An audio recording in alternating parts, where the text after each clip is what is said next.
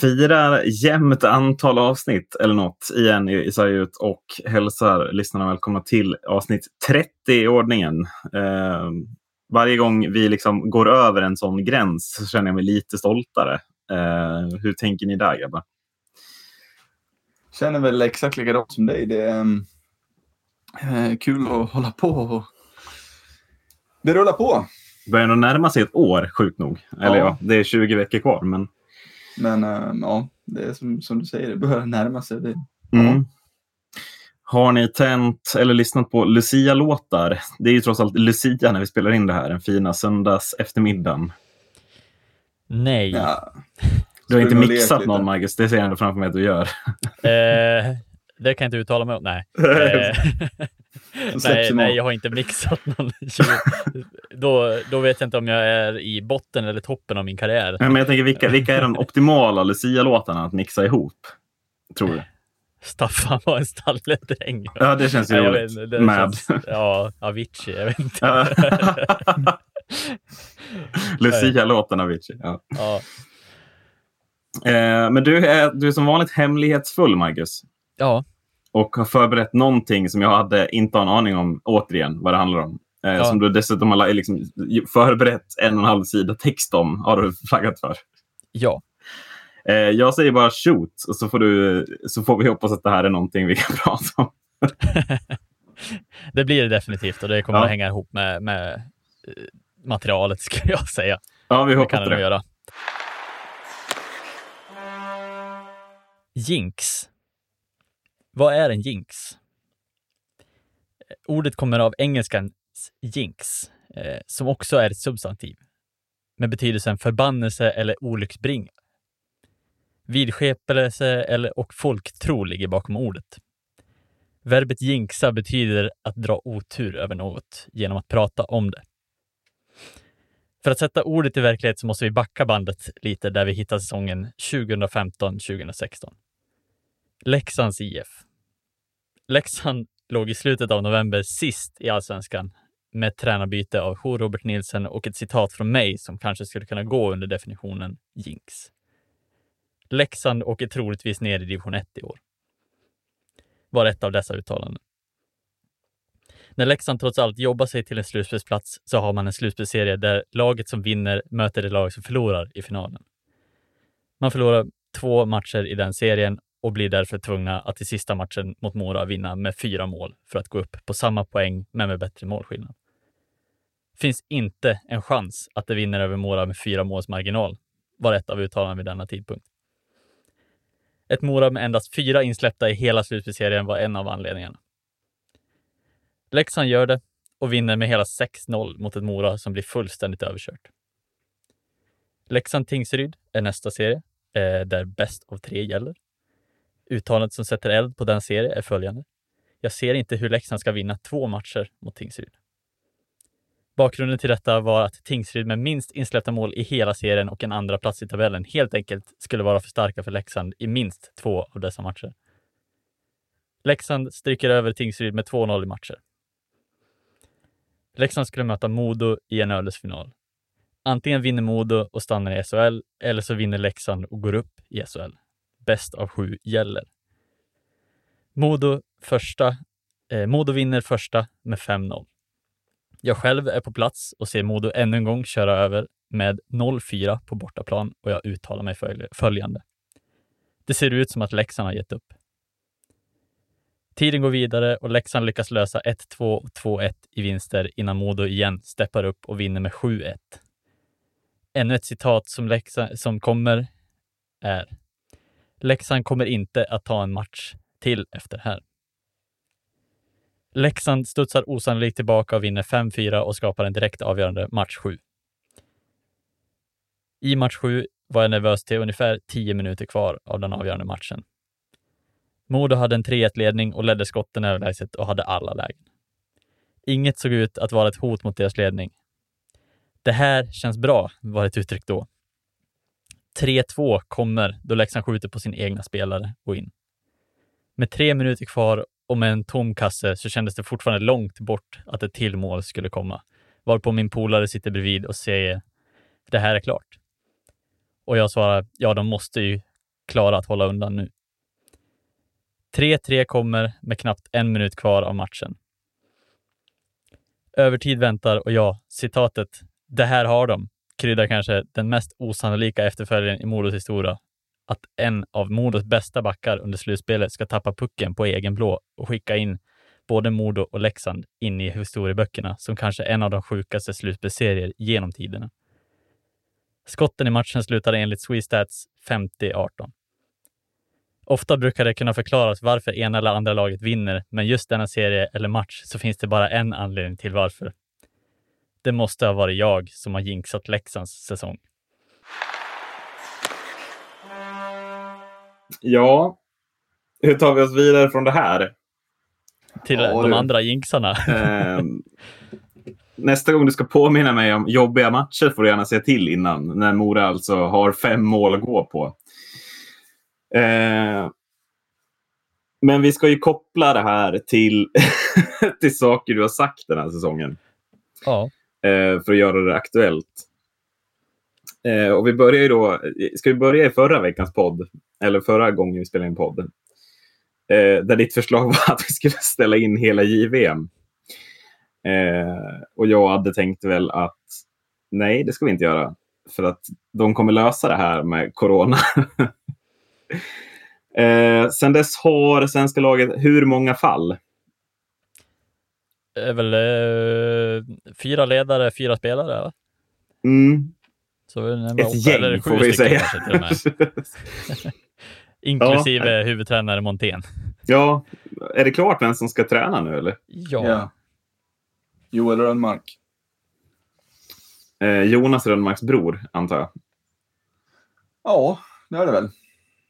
Som är tränare i...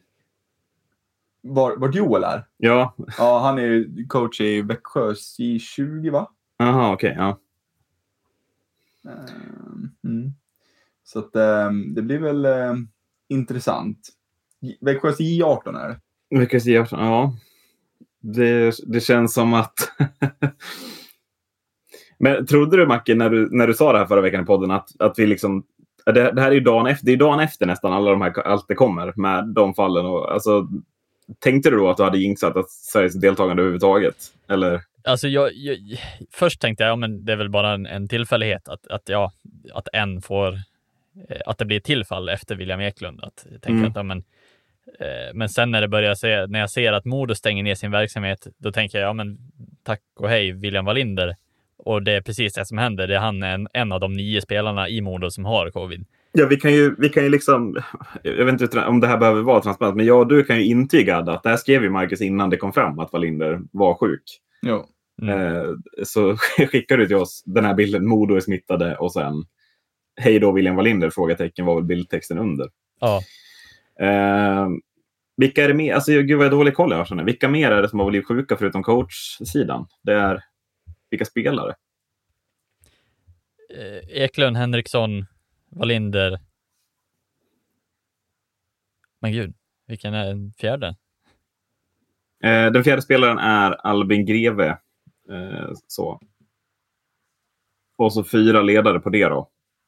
Ja, varav det, det är assisterande, vad är det, Matteris assisterande huvudtränare och Och någonting. Målis Målis. tränare. Målis. Ja, Vad är det fantastiska namnet? Nisse Landén, stavat N-I-Z-Z-E. Eh, Och Landén en- med X. ja, precis. Eh, men det jag tänker är, alltså, det verkar inte ha blivit några fler fall efter det här. Eh, så att nu verkar det väl bli ett JVM. Men, men hur ser det ut i de andra lagen? Det, har varit, det kom en del rapporter om andra fall också väl? Ja, det är väl två från Tyskland, eh, fem skickar de hem från Kanada och fyra stycken i USA. Och sen fyra i Schweiz också. Det var. Ja, och det, jag tror att det är ändå tidiga trupperna, bruttotrupperna som de skickar. Så att jag tror att de flesta lagen har nog tillräckligt med spelare eh, Mm. för att ställa upp ändå. Sen har de väl sänkt kraven för att kunna ställa upp med färre spelare också. Tyckte jag läste någonstans. Eh, antagligen. att du kan skicka en trupp med 18 spelare. Eh, Mm. Så att, ja, det, de, de vill genomföra den här turneringen oavsett priset, tror jag. Vad, vad tänker vi kring det då? Att det är väl bra. Ja, det känner väl jag också. Men, men att... Trodde du, Marcus, när du, när du sa det där att, att det fanns en möjlighet att man skulle ställa in det helt? Det kom ju på tal också, eller? Ja, det var ju på tal med att de faktiskt, om det skulle ske fler fall, eh, så var ju Sverige inställda, eller eh, ishockeyförbundet var ju inställda på att ställa in. Mm. Eh, nu har vi inte hört några fler fall än så eh, under veckan, trots att de har suttit i karantän allihopa i Sundsvall. Eh, de har den här obligatoriska veckan innan de, måste, innan de reser över. Ja, men precis. Eh, de reser över idag, söndag. Idag Lucia, när vi spelar Ja. in. Mm. Eh, och så länge det inte sker något fall under tiden nu och innan dess så borde väl den här turneringen vara fullt genomförbar, ska jag säga. Ja, förutsatt att det funkar lika bra på andra sidan. Eh, Och det, där står vi väl fast, Adde, att det kommer det göra. Ja, Men eh, jag tycker ändå att det är värt att nämna det här eh, kring vilken kostnad det är som, som, som det kan kunde ha blivit. Eh, det är verkligen. ändå fyra spelare och tränare som har blivit smittade och man har ju ingen aning om vem som kom. Alltså så här, nu är det ju så att de flesta av dem har haft mildare symptom eller ingenting alls. Mm. Montén tyckte att det var ett mindre skämt. Jag vet inte riktigt vad han... Eh, att, han att han var smittad för han kände inte av några symptom, men han kan ju fortfarande vara liksom positiv så. Ja, ja, men precis. Eh, men eh, man vet ju inte vem kan bli drabbad hårt av det här heller. Eh, bara för att de skulle samlas för en landslagssamling och, och åka på turnering. Eh, jag vet inte om man har tänkt i de banorna riktigt heller, att vem, vem, det kan ju finnas en procent av de här som blir liksom drabbad hårdare än de andra. Ja, men så är det. Um, och framförallt tänker jag på ledarna också som är äldre. Uh, men spelarna kan ju också ha en chans, men är de är ju yngre så. Ehm, men ja, det, alltså hade det, hade det varit så att någon av ledarna hade blivit drabbad eh, så pass hårt att de blivit inlagd eller någonting, då kanske man hade börjat fundera, så är det värt det? Mm. Eh, nu, ja, jag vet inte om det Men sen är också frågan, alltså så här, nu, visst det vart fyra spelare, några ganska viktiga spelare, framförallt Eklund och Henriksson ju. Men, Ja. men säg att de fyra spelarna som var smittade hade varit Viktor Söderström, eh, Filip Broberg, Lukas Raymond och Alexander Holtz. Hade, man inte börjat, hade det inte funderats ännu mer på att faktiskt strunta i det då, tror ni? Sett till att ja, det är våra fyra bästa spelare som inte deltar. Och, alltså, eller hur, tänk, hur tänker ni där? Jo, men det är väl klart att det hade diskuterats annorlunda då. Det tror jag väl också. Mm. Ehm, för det är ju inte bara så att man ersätter dem rakt av. Ehm, Nej, det är knappt som man ersätter Eklund rakt av. Liksom. Nej, så att eh, det är väl klart att det hade diskuterats annorlunda. Ehm, men ja, alltså det, det hoppas att det, och det är jag väl fast besluten om att det, det kommer att bli bra. Ja, för nu är de ju på väg över det. Liksom. Ja, Eh, men ska vi gå igenom truppen lite eller? Nu, det verkar ju bli ett JVM eh, och jag tänker att truppen är ju nu fastställd efter att en visst antal spelare försvunnit ja. eh, från originaltruppen. Eh, ska vi dra hela truppen rakt av till att börja med eller? kan vi göra. För i sådana fall så gör jag så. Och det är målvaktssidan med Hugo Alnefelt, Kalle Klang och Jesper Wallstedt. Det är en backsida med Emil André, Gustav Berglund, Tobias Björnfot, Filip Broberg, Alexander Brännstam, Ludvig Hedström, Albert Johansson och Viktor Söderström. Och det är en forwardsida med Oskar Bruzelius, Arvid Kostmar, Noel Gunler, Emil Heinemann, Simon Holmström, Alexander Holtz, Oskar Kvist, Theodor Niederbach, Sion Nybeck, Oskar Olausson, Lukas Raymond, Albin Sundsvik, Elmer Söderblom och Jonathan Wikström.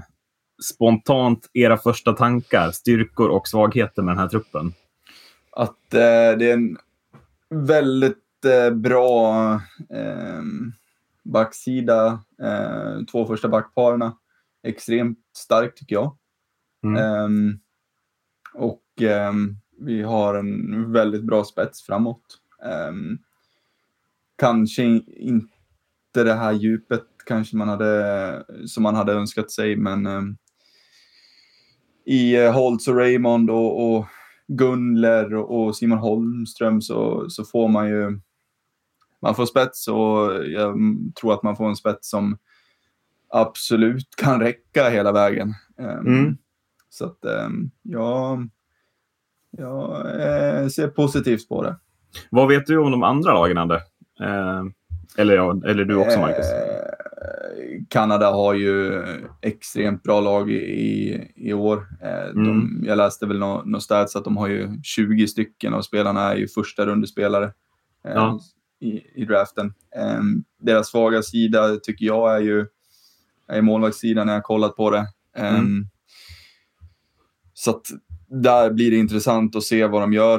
Eh, och ja, deras backsida är ju riktigt fin. Eh, med många framtida NHL-stjärnor skulle jag säga. Ehm, men ja, och sen framåt, det är ju bara som man reglar faktiskt. Ja, och då är inte Lafreniere med. Nej, Nej. så att, och det säger ju lite Ja, verkligen. allt eh, om det här laget. Så att det kommer bli åka av. Um, kommer det, men um, ja, jag, jag är hoppfull. Det, man får ju hoppas att, um, att deras målvaktssida brister, um, om man får vara så, så elak. Men det är klart vi inte är neutrala i det här fallet, utan här är, är det Sverige all the way. Mm, ja, men så är det ju. Eh, är det, det är Kanada som är främsta motståndet. Eh, Jag tänker bakom så brukar man prata om USA och Ryssland kanske. Vad, har vi, Mm. vad vet vi om dem då? Eller vad vet, det är det jag frågar. Jag faller helt platt här. Eh, men det är du som kan de här prospects bäst. USA har väl tillsammans med Sverige den bästa målvaktssidan. Mm. Ehm, Spencer Knight som blev draftad av, av Florida här eh, förra året, eh, Mm. första rundan, är ju ja, det är JVMs bästa målvakt. Eh, om han kommer upp i den nivån som han kan. Eh, och sen Jo, men så är det ju alltid. Liksom. Ja, men jag tänker att om, om man pratar rent utifrån vad man tror att de kan så är Knight... ja, utifrån namnet så, så är ju eh, Ja. Knight det är ju JVMs, JVMs bästa, bästa målvakt. Ehm, Mm. Backsidan är intressant. ehm, där ehm, Jake Sander, Sanderson kommer till spel, eh, Ottawas eh, första pick. Som de hade tillsammans med Tim Stutzel i, i första rundan här. Ja, just det. Just det. Ehm, ja, framåt. Eh, inga, inget stort lag. Ehm, ganska små spelare ändå. Ehm, Mm. Så att, eh, nej, jag, USA helt klart med där uppe. Eh, och Ryssland har ju också jättemålvakt i Jaroslav Askarov. Just det. Som blev eh, draftad av Nashville. Ehm, och det är samma sak där. Står han på huvudet så kommer Ryssland gå riktigt långt. Ehm, så att eh, det, är, det är tuffa lag och det känns som att det är jäkligt jämnt. Är semifinal det rimliga målet eller bör man sikta högre? Vad känner ni där? Eh, ja, semi tycker jag absolut med det här laget vi borde kunna ta oss till. Ehm, för i mina ögon så är det så är det USA, Kanada och Ryssland och Sverige som, som ska göra upp om det. Ja, Ehm, och det beror ju helt och hållet på hur man, hur man gör i, i ehm, hur man levererar i, i gruppen och vilka man får i, i, i kvart och, och liknande. Så att, ehm, Så är ja, det. Vad heter det? Jag tänkte hoppa tillbaks lite till eh, där vi snackade om eh, Lafreniere kommer inte att delta. Eh, vilket är ju kanske bra för andra lagen. Eh, dåligt för Kanada. Eh, och jag ser och läser nu också att eller, alltså, de stred för att få Lafreniere, men Rangers valde att tacka nej. mm. Eh, vi, vi nämnde ju, eller ni nämnde tidigare att det, var inte, det är inte så konstigt för de brukar ju alltså alltid bli stoppade av NHL-klubbarna. Ja. Men i det här fallet så är det ju en annorlunda säsong eh, där NHL inte har dragit igång än. Ehm, och jag vill bara informera om att Jack Hughes fick godkänt att delta i JVM ehm, för New Jersey Devils, Mm. men valde själv att tacka nej. Ehm, Är Jack Hughes, får han, får, är han 01? Ja, han får vara med Herre i, jävlar ja. i JVM. Eh, och han tackade nej själv eh, för att han ville förbereda sig för NHL-säsongen Mm. istället. Ja. Eh, Och det är väl fullt förståeligt med, med den säsongen han hade. Eh, Ja, Så att, eh, Jo, men hade det inte varit en självförtroendesboost för en sån här kille? Få vara med i JVM och dominera? Eller? Ja, men det beror väl lite på vad man, alltså, vad han, vad han vill. Jag kan ju tänka mig att han vill lägga väldigt mycket energi på eh, och pumpa lite i gymmet och sådana saker. Men det, är ju, Eh, det är ju en gratis biljett in i matchform direkt. Liksom. det är också en gratis biljett från att spela ihop sig med sina närmsta kedjekollegor inför en NHL-start, kan det vara.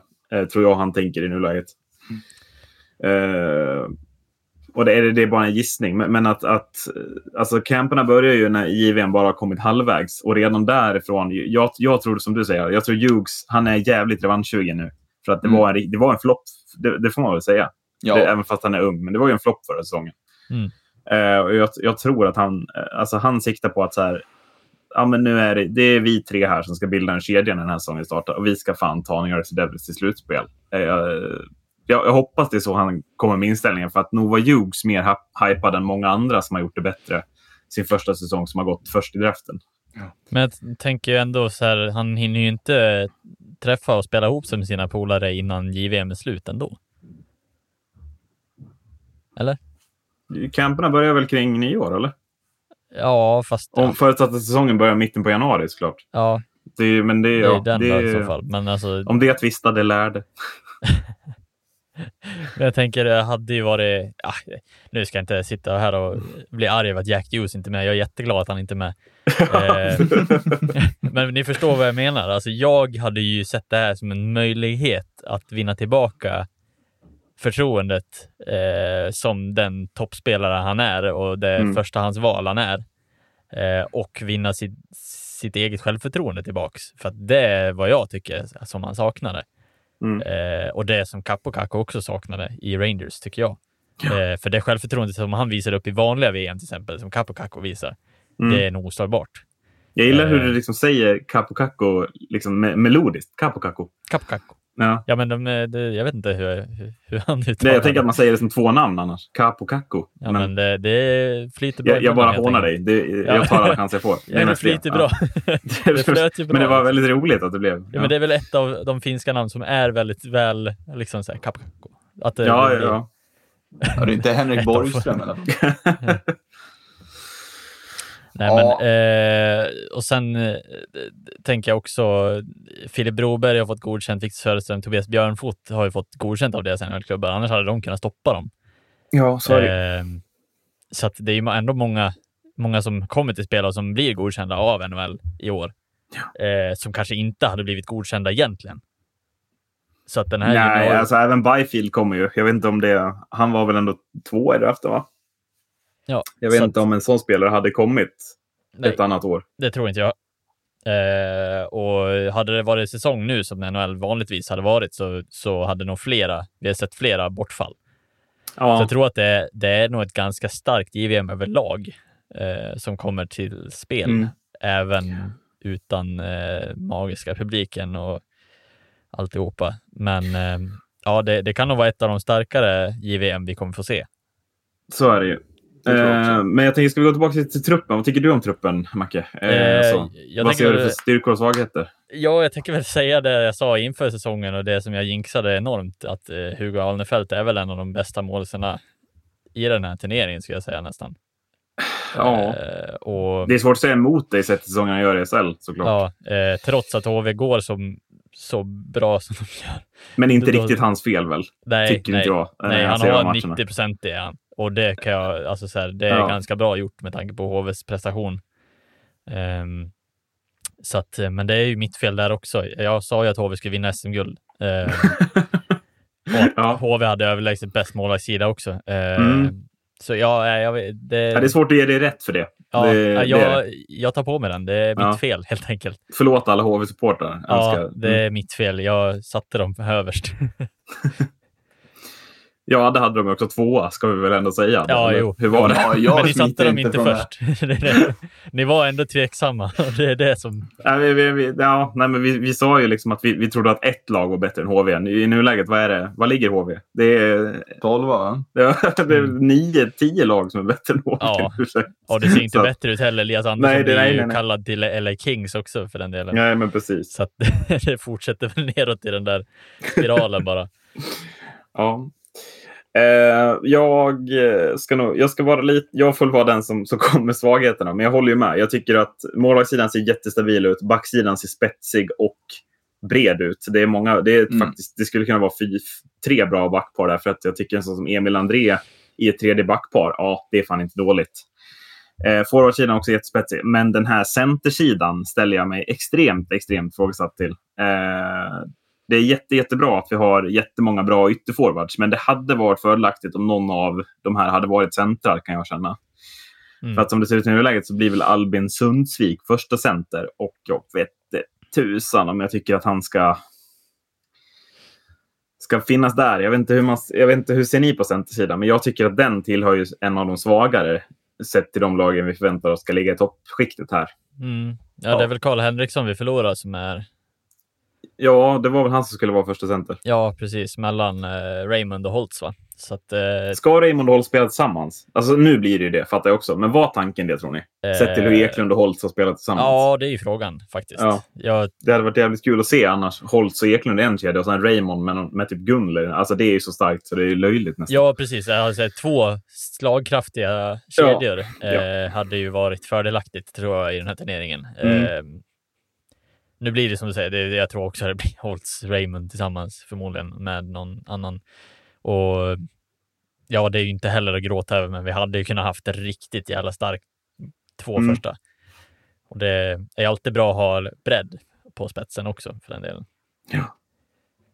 Men håller ni med mig att centersidan, centersidan kan bli vårt fall? För att Ja, cent, centerpositionen tycker jag är den viktigaste positionen på en, på en hockeyis. Mm. Eh, och ja, går Sverige till final mot Kanada så kommer Quinton Byfield stå där mot Albin Sundsvik på första tek. Och då känner man sig ju direkt i underläge kan jag känna lite. ja. Ja, nej, det är ju bara... Det är bara instämma. Det är ju, det är ju lite eh, tunt där helt klart liksom. Eh, Mm. Och mm, sen har vi ju egentligen ingen aning vad de håller på att testa. Det, vad jag kan tycka så borde väl det liksom testas någonting. Eh, och formera om lite. Ser vi någon som, som, som potentiell center bland ytterforwarderna här?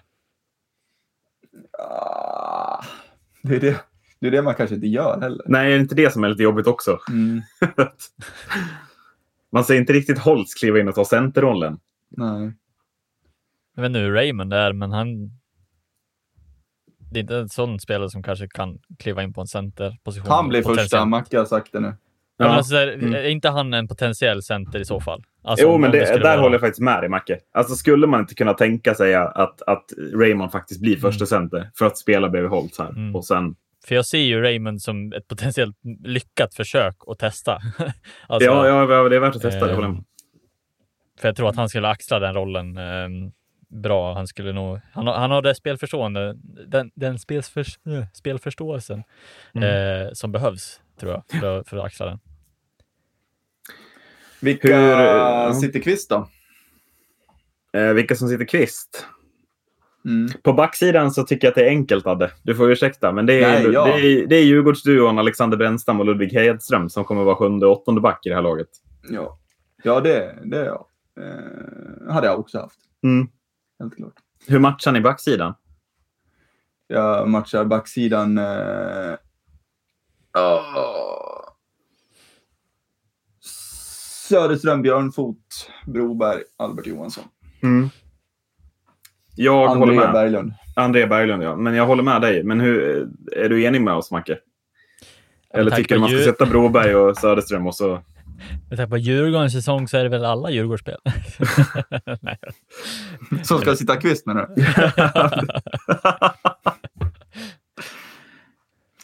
ja, nej, eh, jag håller väl med. Det, det är väl de som ska vara, tycker jag. Mm. Eh,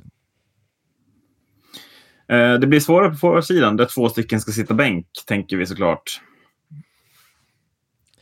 Det skulle Det är- väl vara ehm, inte ja. de som kom in senast kanske som har minst chanser. Nej, men det är väl Bjärselius. Ja, Bjärselius. Jag kan inte ens prata. Bjärselius och Kvist var det va? Ja, ja Mm. Kvist. Men om jag får eh, liksom koppla tillbaka till det vi pratade om, om centrarna så på grund av centerbristen så, Så, kan du inte bänka Bjärselius, nej. nej, så kommer, jag tänker typ både Bjärselius och Arvid Kostman att spela. Mm. Kostman var ju i Mora en stund förra året. Eh, Mm. ganska underskattad spelare faktiskt. Skulle Mm. kunna matcha en tredje, tredje center ganska bra tror jag. Mm. Eh, och är rightare också. Det är väl inte negativt. Mm. Eh, men jag tänker när jag ser det här att Jonathan Wikström kommer nog få svårt att ta en plats. På 12 forwards, sett till ytterforwardsen vi har. Mm. Eh, hur tänker vi ytterforwardsparen? Jag tänker ju, om vi då leker att Raymond är ytterforward, så tänk, då tänker vi att Holtz och Raymond ska spela tillsammans. Vem ska spela med Gunler?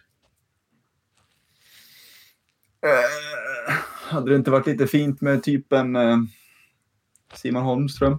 Mm. Och sen HV ytterforwardsarna, Nybeck och Ola Adolfsson. Och sen brunkar forwards Heinemann och Elmer Söderblom, eller? Ja. Det ger ju i sådana fall Oskar Kvist den där sista platsen. Ja. Jag, Kanske. jag har jättesvårt att se att eh, Oskar Kvist ska, ska ta en plats tyvärr. Mm. Det är, ju, det är ju liksom tyngd vi får in, men... Eh, Ja. mm. Nej, men för en sån som Elmer Söderblom med sin tyngd måste ju ha en plats i en Ja. fjärde kedja och kanske i powerplay framför mål, tänker jag. Ja. Mm. Alltså, det, är inte, han är, det är två meter och hundra, hundra pannor vi snackar där. Det är ju... Det är ett fett då. Det, Nej, påhopp. Vad är det här för... Nej, jag tänker att det, det är tungt att möta honom. Ja. Eh, Och jag hoppas att han verkligen kan utnyttja den tyngden. För då tror jag han kommer vara faktiskt sylvass i det här JVMet. Jag sticker ut näsan och säger att Emil Heinemann tror jag vi underskattar lite. Jag tror att han kommer att spela högre, men eh, ja, det återstår att se. Men är inte han lite av en alltså, hårt jobbande grovjobbare också? Eller? Jo, men det kan vara extremt nyttig tror jag i Ja, ja, ja men många det, andra eh, situationer och jag tror att han kan vara extremt nyttig att sätta med eh, någon lirare högre upp också. Eh, Mm. Men jag tänker mig att är inte det rätt tid, alltså är det inte rätt för Simon Holmström att ta den lite ledarrollen typ eh, tillsammans med Gunler? mm. Eh, ja, Däremot, fel, vi, däremot, jag- om, däremot håller jag, alltså, om Raymond blir center, då tycker jag Simon Holmström ska flytta upp där. Och då kan Ja. du mycket väl hålla med dig, Macka. Då kanske Heinemann ska spela bredvid Gunler. Det ser jag inte emot dig på. mm. För jag tycker man ska hålla ihop Olausson och Nybeck som ett ytterforwardspar. Ja. Eh, sett till vad de har gjort i SHL. Alltså att de hittar varandra och, och liknande. Jag tror att Heinemann kommer med, med bra självförtroende in i den här turneringen också. I och med Leksands eh, senare prestationer. Så ja, Ja, det kan vad, vara... sitt, vad har han gjort i år? Har han gjort några poäng? Eller vad är tre det? poäng. Ja. ja, det är rätt bra. Han spelar ju ändå inte så jättehögt upp i Leksand, men det är väl förståeligt med med de kedjor de har. Så. Jo, men så är det. Eh, Och hur, Det är hur mycket de spelar kedjan. sin första kedja rättare sagt. Eh, så att, men eh, jag tror att det är en, en spe, potentiell spelare som vi säkert kommer att underskatta och som kommer att vara Ja. mer betydande än vad vi tror. Eh, Powerplay Nej. då? Hur, både Raymond och Holtz är rightare. Hur får vi in dem i samma PP? Har någon en lösning? eh, spela paraply. Mm. En på, nej, jag vet inte. Alltså, eller det är väl typ eh, så som Modo spelade med eh, Tambellini och Karlqvist. Karlqvist rightare längre ner, eh, Tambellini på point. Jo, men Skulle Tambellin är ju vara. leftare. Vad sa du? Tambellin är ju leftare. Ja, men eh, om, om vi nu säger att det skulle vara en, eh, en back som är right. Ja, jag vet inte riktigt heller. Hur. Nej. Viktor Söderström är väl gjuten i första PP känner jag Ja, som det var det jag tänkte säga också. För han Ja. är ju också rightare. Ja. Det, blir, det blir nästan att man måste ställa Söderström på point och sen ha Raymond eh, till höger eller Holtz till höger och sen den andra till vänster tror jag. Ja, Eh, för jag, tror jag tror inte man får till det på något annat sätt. För sen lär man ju ha in typ Söderblom eller Sundsvik framför kassen. Eh, och sen runt målet lä- lär väl finnas... Ja, Ja, eller om man sätter in, om man sätter in Holtz, liksom, han, han ligger framför mål. Eh, Ja. för han är nyttig med, med sina eh, tap-ins och allting liksom. Ehm, Mm. Så att jag, jag tror nog att Holt skulle kunna, skulle kunna lira framför mål. Ehm, Mm. Och ha lite blandat där också för att få in en andra, ett andra PP där, där det liksom blir lite mer traditionellt att ha en tung framför mål. Ehm, Alternativt att man har, har hållits ute till höger likt en William Nylander-position. Mm. För jag tänker sen, alltså skulle man kunna ställa ett PP, nu vet jag inte vem den leftaren ska vara, men man skulle potentiellt kunna styra det från höger med Raymond, Holtz och Söderström på skyttepositionerna. Ja. Ja, det blir Det ju känns- extremt. Men vem ska styra då? Jag tänker att Raymond är en sån som styr. Ja, det kanske är Raymond som måste styra. Eh, men frå, eh, kommer han styra från höger eller vänster då? Från höger hoppas jag. Ja, För det är svårt för direkt, man vill ju ha direktskotten Ja, på. Holtz nästan. Jag tycker det Ja, känns ja, dumt ja, att sätta honom framför målad. Eh, eh, så. Mm. Han är ju star med bästa skottet i turneringen eventuellt. mm. För då har man ju potentiellt att man kan ha både Holtz och Söderström med rä- rättvinklat Mm. mot, eh, mot Raymond från höger. Så att eh, ja, det kan, det kan bli riktigt bra PP där. Eh, För sen får väl Nybeck sty- styra det andra med Gunler på bortre sidan. Mm. Kanske. Ja, det är mycket möjligt. Ja, intressant. Vi lämnar JVM där för idag kanske. Vi lär väl få anledning att återkomma eftersom att turneringen inte har börjat än. Eftersom att Marcus jinxar allt. Ska vi prata något om de som lämnar förresten? Eller är det ointressant? Det är inte så många spelare. Jag vill prata med, om en som inte ens är med. eh, Som, som inte var med från början heller. Jag vet inte om jag har nämnt det för det har jag säkert gjort. Men jag tänker William Wallinder blev ut, eh, utanför nu på grund av att han var Mm. smittad. Men en spelare som inte ens har nämnts tycker jag, eh, Hugo Styv. Eh, tycker jag har varit bättre än William Wallinder. är inte Det, han det är bara för att jag 02 har sett honom väldigt... Eh, Jo, han är väl, eller han är väl 18 precis va? Jo, han är ju 02. Ja. Så det är frågan om han... För det är, alla backarna är ju 01 förutom André. Jo, så frågan men... är om han har väntat. Men jag tycker ändå att är, är han bättre än, än Wallinder, då ska väl han spela. Alltså, tänker jag. Jag tycker att han har Så, varit bättre. ja, men så funkar det inte traditionellt tycker jag. Jag tycker det traditionellt funkar att om man är 01, om man är liksom sista året och sista chansen så får man chansen. För, alltså, titta, en sån som Simon Robertsson blir ju, ut, alltså, han blir ju utskickad från den här truppen. Och det är för att han är 03 va? Mm. Men Wallinder är också Det är för 02. att Bert har varit så dålig i Linköping. Ja, precis. Wallinder är också 02. Är inte också 02? Jaha, Ja. då så. Ja, då vet jag inte varför. Så då är det ju inte det, någonting med det att göra, utan det är ju bara mer att de har tyckt att Wallinder är... Nu har ju Wallinder varit bra på slutet tycker jag, men Ja, ja absolut. alltså jag tycker att övervägande däremellan, alltså de två har varit extremt bra och jag tycker nästan att Hugo Styf har varit lite bättre på, alltså, Mm. på vissa matcher. Och, Men tar sig William Wallinder in på, på sex backar i det här laget? Det tycker inte jag. ja, jag kan inte uttala mig. Om jag ska vara hård mot dig. jag, jag kan tycker- inte jag- jag kan inte inte vara färgad här. Nej, nej men det, jag vet inte hur du tänker Adde, men är det inte lite att William Wallinder bara hade ersatt någon av den här Brännstam och Hedström i den här truppen? Som platserna på sjunde och åttonde back. Ah, Jag lutar väl kanske mer åt att han hade mm, kommit in istället för antingen Berglund eller André. Ja, okej. jag. Men eh, det är jag. Jag Ja. vill, jag vill bara in och snabbt nämna att de här två backarna, som Hugo Styv och William Wallinder, är Modos, skulle jag säga, bästa backar just nu. Eh, Och är väl gjutna nästa år om inte annat Ja, i den här truppen. eh, att, ja. och, och det säger jag med, med gott samvete, för jag tycker Mm. att de har varit absolut bäst. Corrado i all, all ära, men jag tycker att han borde ha varit bättre nästan. Vad vet vi i övrigt om spelarna som lämnar? Hannes Collén är en målvakt i division 1. Det kanske är det som är anledningen till att han lämnar. Eh, Simon Robertsson är som sagt 03. Det är Berts son. Väldigt bra har jag förstått. Mm. Eh, men får väl chansen nästa år och året efter det kanske. Man ska väl inte vara med alltså, bara för att vara med. Lite så Nej, jag. lite så. Lite Och så. jag är, är väl, jag är väl inne på det spåret att, att Simon Robertsson hade inte tagit en plats i de två första kedjorna, vilket gör att... Det Nej, men det han handlar ju om roll också. Liksom. Ja, Kan jag, det, väl, jag håller med. det är Mm. väl lite där han ska vara eh, för att få ut, ut liksom max av honom. Mm. Eh, och där tar han inte plats Nej. eh, i år.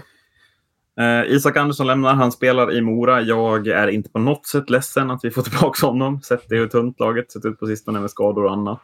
Eh, Men man, har man gjort tre poäng på 13 matcher i Hockeyallsvenskan, ja, det kanske blir svårt att ta plats eh, liksom, när man ser vissa spelare som har gjort mer poäng i SHL och liknande här. Eh, mm. så att, hade han varit med hade han troligtvis krigat om den här 13-14 forwardplatsen, eh, men inte mer så. Mm. och sen är det utöver det Daniel Ljungman, Simon Edvinsson och Viktor Persson. Tre spelare jag inte har en aning om. Nej, Viktor Persson eh, skrev väl på nytt va, med Brynäs här om veckan har jag för mig. Um, men uh, ja, är väl en lite liknande uh, spelare som uh, Viktor Söderström. Um, men um, inte alls samma kaliber ännu.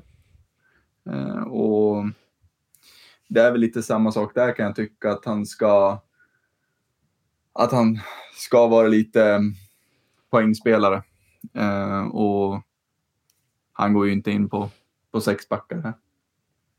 Nej. Vi lämnar de andra två. Eh, upp, vi har aldrig hört om, eller jag har aldrig hört om den. Det måste betyda någonting i det här sällskapet. ja.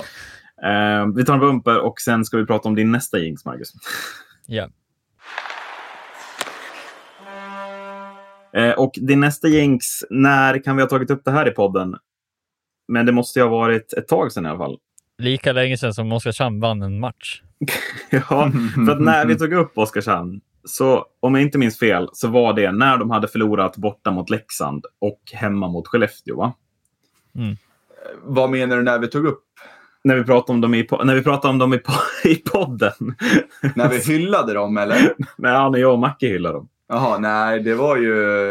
Det var väl innan det, va? Var det det? Ja, för jag har för mig att jag kollade och det var den 2 november som vi... Um, som vi eh, släppte avsnittet om Oskarshamn. Och, mm, ja. ja. Eh, då var det absolut eh, för det. Yes, och då eh, började de gå in på sin eh, losing streak. det låter som du vill ha en poäng. Nej, jag säger bara att, ehm, att eh, jag såg det komma. Mm. Det är svårt för oss att säga emot det, Macke, tänker jag. Mot mig? Nej, jag säger mot Adde, att han ja. såg det komma. Alltså det stör mig enormt, men... Eh, för jag tycker att ehm. Oskarshamn såg så bra ut och de har inte sett... Jag tycker inte att de såg så dåliga ut när de började sin losing streak heller. Men det blir ju frustrerande nog. Den här jämna serien blir det ju de matcherna man måste vinna och när man inte gör det så blir det ju så här. Mm.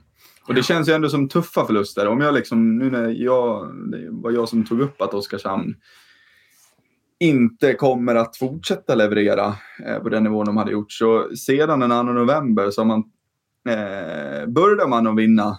Eh, Vilka slår man då? då? Djurgården. eh, med 4-2. Men efter det, från den 12 november, så har man alltså 4-2 förlust mot Leksand, 3-2 mot Skellefteå i sadden, Eh, 6-3 mot Linköping. Man har 4-1 mot Frölunda. Man har 2-1 mot Örebro. Man har 2-1 mot HV. Man har 4-3 mot Växjö. Man har 4-0 mot Malmö och man har 2-1 mot Oskarshamn. Eh, mot Rögle menar du? Ja, mot Rögle. Oskarshamn torsk mot Rögle. Så dåliga de varit. Nej, men, så det är, klart, det är klart att det är tunga liksom, förluster. Mm. Eh, och jag tror väl att den mot Malmö svider mest när man blir nollade och ja, Malmö har, har allt tycker jag eh, när jag sett på den i efterhand. Ja. Men, men de här tuffa förlusterna också mot, mot topplagen som Växjö eh, med 3-4 och det är liksom det udda målet eh, i många av dem. Eh, och det måste ju störa dem något enormt. Ja. Ehm, så att, ja, jag skulle, min teori, det finns tre matcher som jag tycker är väldigt talande här. Um, och det är ju att efter att, ja, men alltså förlust, efter att ha vunnit fyra raka matcher så förlorar man borta mot Leksand. Det är inte så mycket att säga om. Eh, sen gör man ju en bra match mot Skellefteå hemma. Torsk i sadden. Det är ju ingenting. Men sen har man ju då en till hemmamatch. Den hemmamatchen är mot Linköping innan man ska möta både Frölunda och Örebro på bortaplan där krävs det ju en bra position, eller prestation. För sen vet man att det blir väldigt tufft att ta poäng både bortom mot Frölunda och Örebro. Det är det ingen som säger någonting om. Då kommer det en dålig prestation där. 3-6. Eh, och sen blir det ju ännu värre för att efter de har förlorat både mot Frölunda och Örebro, då skulle man ju haft Brynäs på hemmaplan. Och det, den matchen, trots att den inte blir av, så tycker jag att det är en nyckelmatch här. För att den hade de behövt. Brynäs är fortfarande i något slags förfall kan jag tycka. Och framförallt i den matchen var man ju, eh, inför den, så var man ju i ett, i ett absolut prekärt läge. Och jag tror att Oskarshamn hade haft väldigt goda chanser att vinna den. Mm. Men det innebär ju sen att det blir ett långt uppehåll som gör att man inte klarar av att slå HV hemma. Och sen väntar ju då Växjö borta, vilket är förlust. Och sen kommer ju då den här äh, Skåne-touren. Äh, och då är det som säger, där kommer ju nästa nyckelmatch som du precis pratade om. Man blir helt utskåpade av Malmö, bottenkonkurrenten. Mm. Som ju också blir en nyckelmatch. Att så här, oj, nu är det allvar. För här är det något lag som vi ska vara bättre än, som det ser ut som. Och vi blir totalt utspelade. För sen, även om Rögle inte gör en bra match, så det stimmet de vinner nu, ja, de vinner ju bara farten. Mm. Och så snabbt kan det gå att förlora nio matcher, kan jag känna lite om man inte får de här segrarna i mitten. För att hade man fått någon seger här i någon match, ja då kanske man hade kunnat... Säg att man då hade kunnat kräma till sig ett poäng borta mot Örebro, eller någon sån här viktig poäng bara. Men nu blir det att det bara faller och faller och faller och faller. Liksom. Mm. Mm. Du är deppig, Marcus, eller? Alltså, jag satt ju med och kollade på de här matcherna ni, ni, som aldrig, ni som aldrig så här, ja men man kan ju aldrig sitta och kolla på Oskarshamn. jag, jag tyckte de spelade väldigt underhållande hockey. Eh, sen är det ju som du säger, alltså så jag eh, ser, alltså de förlorar ju väldigt mycket små detaljer i matchen och det är väl det som, alltså skärpan i den här serien måste ju ligga på absolut topp hela tiden och det, det är väl där de här topplagen ligger lite före i steget. Um, och lite där som det brukar ske, att de här lagen brukar ha en boost i början och sen brukar de tappa efter ett tag. För de orkar inte hålla uppe den under hela säsongen. Eh, sen är det som du säger, ja, men man får ett litet gupp i, i vägen liksom. Oskarshamn stängde väl till och med, med ner också under en period. Eh, under denna period också. Ja, men precis. Eh, tappade matchen mot Brynäs också. Eh, sen, det är så svårt att säga vad som, är, vad som påverkar men det är, förmodligen är det väl massa olika små detaljer som påverkar. Självförtroendet sjunker i och med att matcherna eh, förloras och frustrationen ökar ju när man inte kan vinna. Eh, sådana här matcher som, som blir 2-1 liksom på 3-2, 2-1, sådana matcher. Alltså det är ju det är sådana matcher som, som vilket lag som helst kan vinna. Alltså det, det blir ju Ja, det, det, det, det, är svårt att förklara varför det blir så, men det, det har ju uppenbarligen blivit så nu. Nu gäller det bara att hitta liksom, vad, hur kan man ta sig ur det här eller kommer man ta sig ur det här? Jag vet inte hur mycket kapital Oskarshamn har att värva för heller som de andra lagen har gjort i botten. Um, men jag står fortfarande för att Oskarshamn har en väldigt smart trupp, både ekonomiskt och um, fysiskt på banan, tycker jag. Um, även om det nu inte kommer att bära hela vägen till en biljett i SHL nästa år. Ja, man ska ju vara väldigt glada att, att eh, de lagen under dem har presterat som de har gjort. Ja. Eh, och ja, Erik, du sa att det var, var 10 poäng redan ner till Malmö då eh, och nu är det fyra. Eh, visserligen med två matcher eh, färre spelade. Men, eh, ja. men eh, det äts upp det där avståndet väldigt fort när man börjar torska så här många matcher i rad. Eh, och det är väl egentligen, ja, det börjar mer bli Linköping och Brynäs som de ska vara glada liksom att de, att de presterar så dåligt som de gör. För Malmö börjar ju, de börjar ju ta poäng här och, här och där nu. Så är det ju. Ehm, så att, ähm, ja. Ähm, det ska bli intressant att se hur, eh, hur det går och vart det tar vägen. Mm. Ja, men för att det börjar ju utkristallisera sig en bottenstrid här nu ändå mellan fem lag. Eh, det är ändå sju poäng ner från... Eh, alltså, det är HV, Oskarshamn, Linköping, Malmö och Brynäs. Sen är det sju poäng upp. Hur skönt känns det för att hade till Djurgården som nu börjar distansera sig rejält neråt? Ja, och börjar väl äta lite också uppåt. Så att, eh, det är jävligt skönt. Ja. Mm. Eh, men, men, av de här fem lagen. Eh, alltså, jag, jag, tycker mycket hänger på. Mycket hänger på Brynäs för Oskarshamns överlevnad. Upplever jag. För jag tror inte Malmö kommer lämna det där bottenträsket. Visst, de har vunnit två raka matcher nu. Men det, inte fan ser det bra ut eller? eh,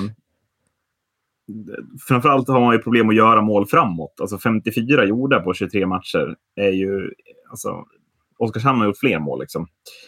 Eh, men jag, jag, ser liksom inte HV. Eh, jag, det, det, kommer jag ha svårt att se ända in till liksom, sista pucken spelas den här säsongen. Att HV ska vara i, i den här situationen.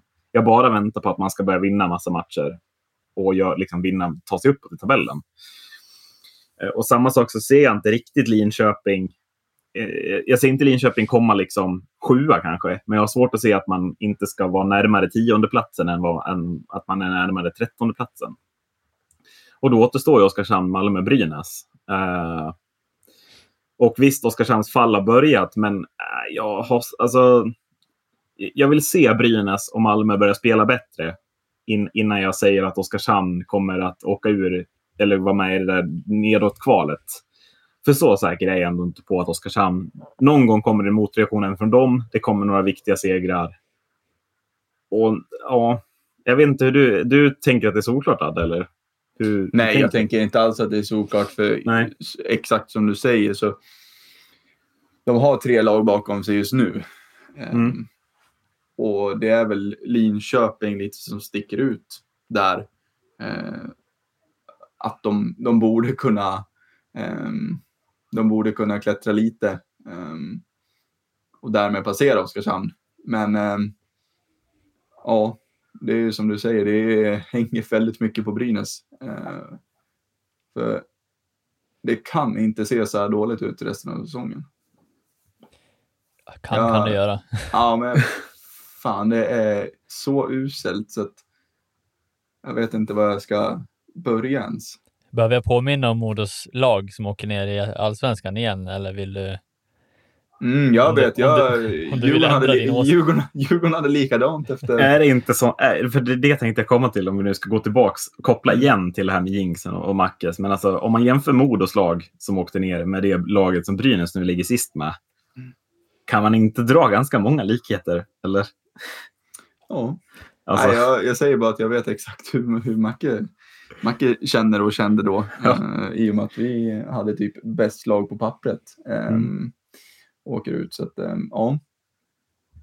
Är inte det lite så här, kan det bli en sån känsla bland spelarna att ja, jävlar vad bra lag vi har och så tänker att alla ska, alla skjuter över ansvaret på varandra. Uh, och så är det ingen som lyckas, lyckas få ut någonting av det. Nej, det, är bara, ja, det är bara en tanke, men det, jag tror inte att det är så. Men det, det, väldigt märkligt hur, hur så bra lag kan, kan eh, på pappret kan, kan fullständigt bli helt menlösa. Mm. Eller de kan, vad heter det? Ja, de blir, de Men då snittar jag alltså inte ens en poäng på match. Alltså är inte det ett helt, det är helt värdelöst, eller? Ja. ja. Ja, och nu snackar inte vi om att Brynäs har SHLs bästa, bästa trupp. Men man, man, har ju absolut en trupp för att ligga, alltså för att kunna komma sexa till tia. Ja, definitivt. Mm. så att, så att ähm, ja. Att och det ligger... har man också ekonomiskt tror jag. Om man ja, tittar på, alltså nu, vet, nu kan jag inte lönebudgeten, men om jag skulle gissa vad spelare tjänar så gissar jag på att Brynäs ligger någonstans där, från 6 till 10. Mm. mm. Och där tror jag också att Oskarshamn och Malmö, det är de två lagen som, som ligger plats 14 och 13 i den, alltså, mm. som betalar minst till sina trupper. Mm. Eh, så det kanske det rimliga utifrån det kanske är att de ska komma ner. Men det, det, man får aldrig glömma bort att det finns alltid ett lag som liksom gör bort sig lite, som underpresterar. Eh, och mm. i det fallet så kanske det är liksom det här laget i år då, eh, Brynäs. Mm. Men vad ska till för att vända? Jag, jag, ser inte att man sparkar Peter Andersson från ingenstans heller. Eller? Nej, man har ju bränt sina livlinor liksom. Ja. I och med Berglund Bertilsson, det är väl flera i, i, som har gått ner på lön i, i arbetarstaben. Eh, ja, men, och, och, spelarna har också gått ner i lön, va? Ja, men jag ser liksom inte Peter Andersson heller bara liksom så här, att man tar in en sån tränare som man, alltså det är så uppenbart att man vill satsa på honom och man, man vill att liksom så här, han ska vara tränare under längre tid, tycker jag är tydligt när man tar in honom. Mm.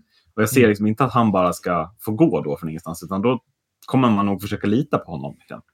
Ja, Eh, för att göra det lite deppigare också, eller deppigare, eh, alltså tänk er om Brynäs hade satsat eh, på att ersätta de här spelarna som de har värvat i år på juniorer. Eh, eller typ andra spelare som de bara värvat in från division 1 eller vad som helst, allsvenskan. tror ni inte att de hade uppnått samma resultat, om inte bättre, än vad de har uppnått idag, nu? Hade de kunnat gjort det? Det är ju otroligt svårt att säga tycker jag. Alltså, Jo, men alltså så här, potentiellt så hade det ju inte varit jättesvårt. Så, att överträffa de här, det som de har gjort nu. Nej, men sen rätt vad det är så smäller Berglund till. Och Greg Scott smäller till. När var det Anton Rödin hade sin den här superperioden förra året? Där han gjorde poäng så in i helvete. Mm, ja, det vågar jag inte svara på. Var det efter Nej. jul? Det var, var det strax efter jul typ eller något sånt där? Då är det julskinkan som är receptet då. Ja, Kan vara så. jag, tror- men jag tror det kan ha varit något sånt. ja, tror kan det det vara viloperioden som är det vinnande konceptet för Brynäs? Mm. Den här, vi funderar så här, vad är det vi håller på med? Kommer tillbaka på jobbet till januari, där nytt, nytt år. Visar sig att vaccinet fungerar, helt plötsligt börjar Brynäs spela hockey igen. Ja, precis. Så att, eh, ja. Jag vill bara nämna två, två viktiga, så här, i och med att vi pratar om det här med bottenstriden också. Eh, jag tänkte, anled- så här, jag vill ha lite anledningar till att eh, både Djurgården och Leksand ska vara lite nervösa. Dels Djurgården har ju bort, som vi pratade om, de har ju spelare borta fram till nyår, 5 januari minst. Eh, där William, ja, William Eklund blir ju kvar då, eh, men de andra spelarna, eh, Holtz till exempel, Eh, de kommer ju gå in i kanske sin viktigaste period under hela året nu och löser de där, då tror jag att de kommer lösa och hålla sig undan från bottenstriden och faktiskt kunna sikta uppåt. De kommer lösa det. Eh, men jag, jag, jag vill bara poängtera att Djurgården går in i sin kanske viktigaste period under hela säsongen nu. Och det gäller ju att ta de här poängen oavsett om det är grismatcher med, som vinner med, vinst med 2-1. Liksom. Det är de de måste vinna nu. För Det som talar sig... för där tycker jag, det är att Djurgården lyckades pricka tre hemmamatcher i julschemat. Ni har ju Mm. varit väldigt starka på hemmaplan. Eh, det är väl det som talar för. Men jag tycker din analys är klockren här, Marcus. Mm. Här, är ju, här avgörs ju mycket av Djurgårdens säsong. Mm. Det som kommer nu. Eh, och sen samma sak. Eh, jag, säger, jag säger den. HV kommer att börja spela hockey nu.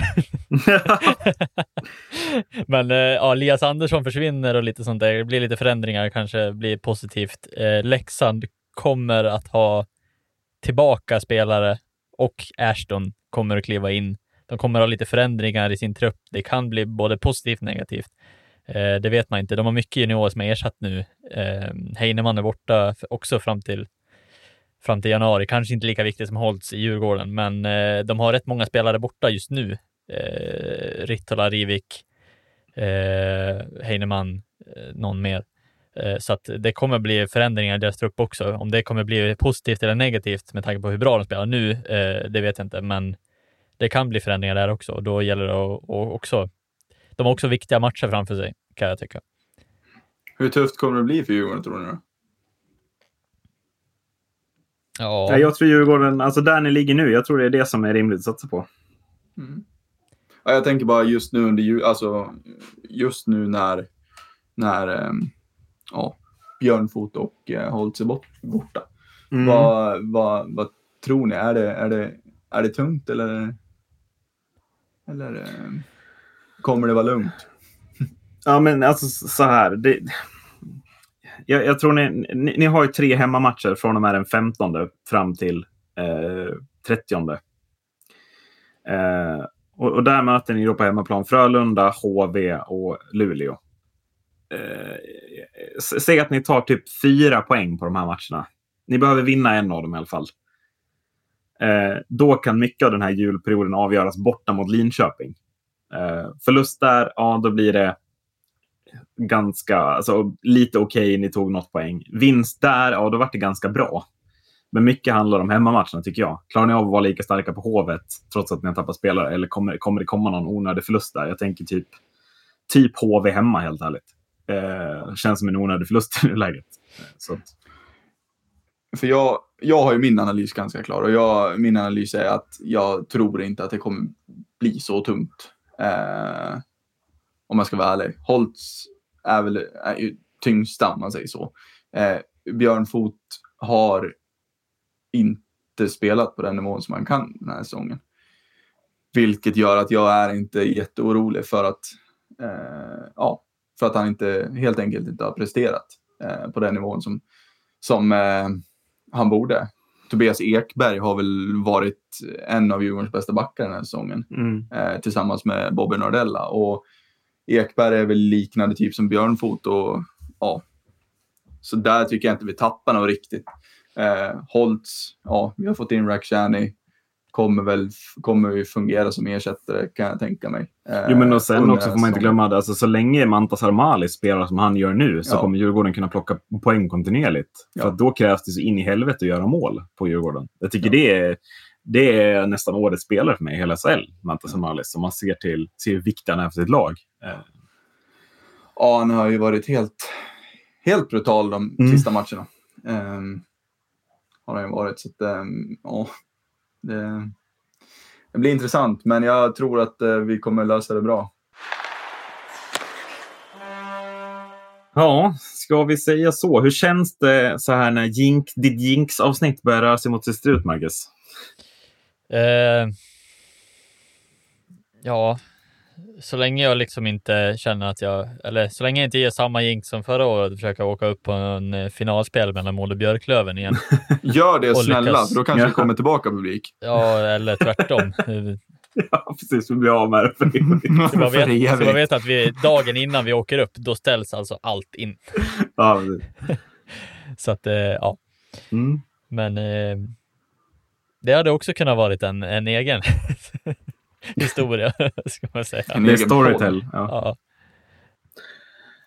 Eh, men eh, vi ska inte glömma eh, att säga innan vi avslutar att man jättegärna följer oss på sociala medier.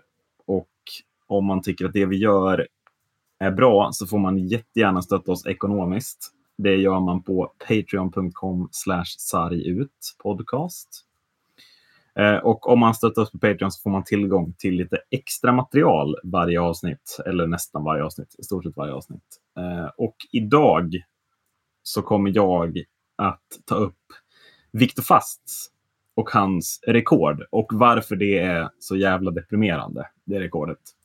Eh, ni vet inte varför det är det och lyssnarna vet inte heller varför. Men om man går in på Patreon och stöttar oss så kan man få reda på det. Ni kommer få reda på det när vi spelar om in det efter det här avsnittet. Eh, så nu återstår bara att ställa frågan till att om JVM-truppen, om backarna har det jävligt jobbigt i egen zon och bara vill byta, hur tar de sig då enklast ur zon? Det gör de sarg ut. Det gör de här ut. Tack för att ni har lyssnat. Hej då! Hej då.